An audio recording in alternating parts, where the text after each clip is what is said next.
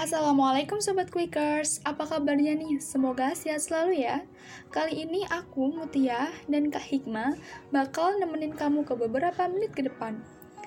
Oh iya Sobat Quickers, kita di sini bakal bahas sesuatu yang mungkin gak asing didengar di telinga Quickers kalian. Nah, yang pasti Quickers tahu kan apa itu insecure?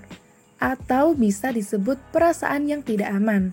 Ya, mungkin di antara kamu juga pernah ada yang ngalamin insecure.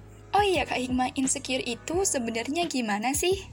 Insecure atau perasaan yang tidak aman itu biasanya merasa malu, merasa tidak percaya diri, merasa kekurangan, merasa tidak mampu, dan memandang rendah diri sendiri. Nah, saat merasa tidak aman, biasanya cenderung ketakutan. Semakin kamu gak percaya diri, semakin banyak juga rasa tidak aman pada diri kamu. Akibatnya, kamu bisa merasa takut untuk berinteraksi dengan orang lain, padahal berinteraksi merupakan bagian penting dalam kehidupan sehari-hari. Nah, gimana sih Kak biar kita ngerasa aman sekaligus nyaman sama diri kita sendiri?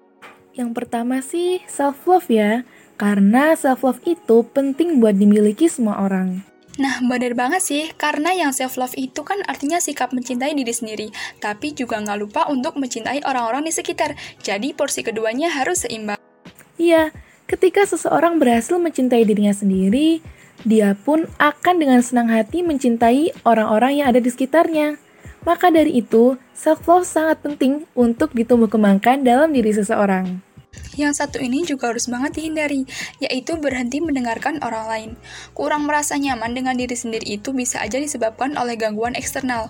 Salah satunya adalah terlalu sering mendengarkan komentar orang lain.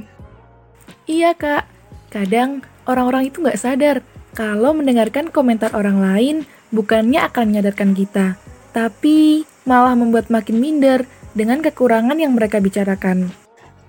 Quickers, terima kasih yang udah mau menyempatkan untuk mendengarkan podcast ini.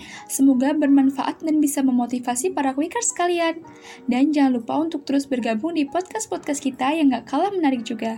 Saya Mutia dan Kak Hikmah pamit undur diri.